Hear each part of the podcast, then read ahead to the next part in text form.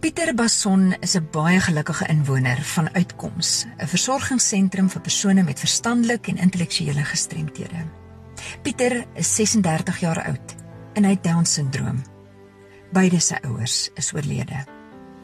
Huismoeder Lorraine Loots, wie se seun self by Uitkoms woon, beskryf Pieter as 'n vredelewende teddybeertjie met die mooiste geaardheid. 'n marshmallow mannetjie, so liefdevol. Inteendeel, wanneer sy die behoeftes van die ongeveer 50 inwoners opsom, is dit liefde, drukkies en aandag, net dit.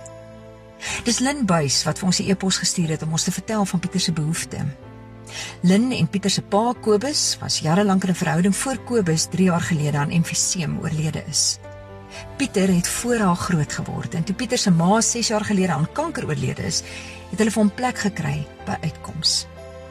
Pieter se sig het van Desember af drasties verswak.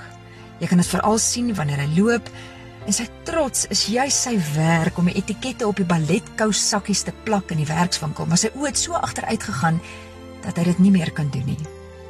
Sy toestand kan ongelukkig nie verbeter word deur sy bril se voorskrifte verander nie.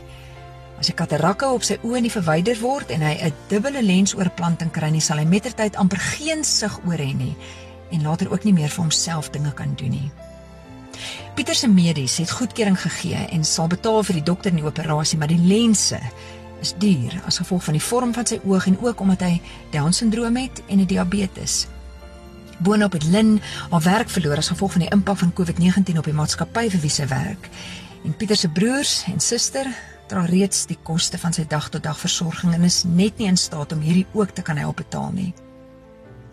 Gelukkig het ons 'n paar goeie vriende hier by Groot FM 90.5 en kon ons vir Pieter gaan kuier om die inwoners in teetyd met uh, so ietsie soet te bederf. En dis Elsabie Boysen, die bestuurder van Uitkomse Werkswinkel, wat ons meer vertel van hierdie spesiale sentrum. Elsabie, vertel ons sommer net bietjie van uitkoms en julle inwoners en julle verskillende projekte om hulle regtig liggaam, siel en gees te bedien. Uitkoms is 'n sentrum vir verstandelike gestremde volwassenes. En ons het so 36 inwoners en dan is daar so 20 dagbesoekers wat ons elke dag in die oggende inkom en dan hou ons hulle in die werkswinkel nou maar besig met verskeie aktiwiteite ons probeer om vir hulle krale te laat ryg of hulle doen ook die kurrikulum glo dit of nie graad R. So. So ons leer hulle dit ook en dan doen ons bietjie cricket en ag allerlei sportaktiwiteite met hulle swem en jy weet hulle is baie liefdevol en ons tree op by kerke. Hulle sing maar met gebaretaal meeste van die tyd en dan tree hulle op by kerke. En goed en ons het ook geleer om hulle te of probeer hulle leer om terug te gee in die gemeenskap. So hulle gaan ook besoek by die ouer huise. Dan vat hulle nou vir die ou tannetjies en die oometjies bietjie geskenkies saam en koekies en sulke tipe van goedjies. So ja, hulle is eintlik net engelmense. Dis hulle is liefdevol hoor. Hoe, hoe lank is jy al hier betrokke? Ek is nou 4 jaar hier betrokke. Ja. En jy's by die werkswinkel betrokke. Ja, en wat is, maak julle daar? En dit is nou waar ons hulle probeer hulle handjies besig hou. Ehm um, en ook die brein stimuleer. So ons doen verskeie dinge. Ons hulle maak ook goedjies wat ons kan probeer en weer verkoop omdat ons geen subsidies van die staat af kry nie.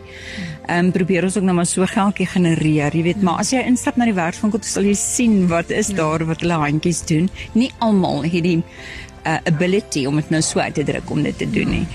Ons is nou hier rondom teetyd, so hulle um, wag nou vir ons. Hulle weet nie wat die verrassing hulle is nie. Hulle weet nie wat nie, hulle weet nie wie dit is nie. Ons het net vir hulle gesê kom 'n besoek en julle gaan nou vir julle gedra. So, en hulle gaan vir ons sing ook. Hulle gaan vir julle sing. Nou maar kom ons gaan kyk. Môre julle. Môre julle.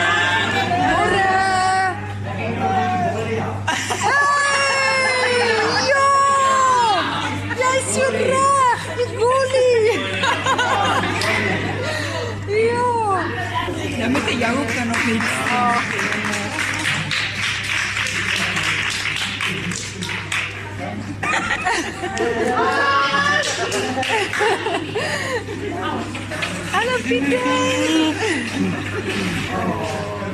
Laat Wat is speciaal vir jou kom kuier? Pieter, hoe hoe goed sien jy met die bril op die oomblik? Ek sien jou oog. Sukkel jy bietjie met dit? Ek sukkel wag. Ons het gehoor jy moet gaan vir 'n operasie. Ek gaan dit doen. Ja, so daar is 'n groot operasie. Ja. Dan kan hulle jou help dat jy bietjie beter kan sien. Ek kan geen bietjie sien. Ja, en dan gaan jy weer by die werkswinkel kan werk. Want jy het daar plakkers geplak, maar nou moet jy so 'n bietjie ander werkie doen om Ja, eers die oë moet regkry.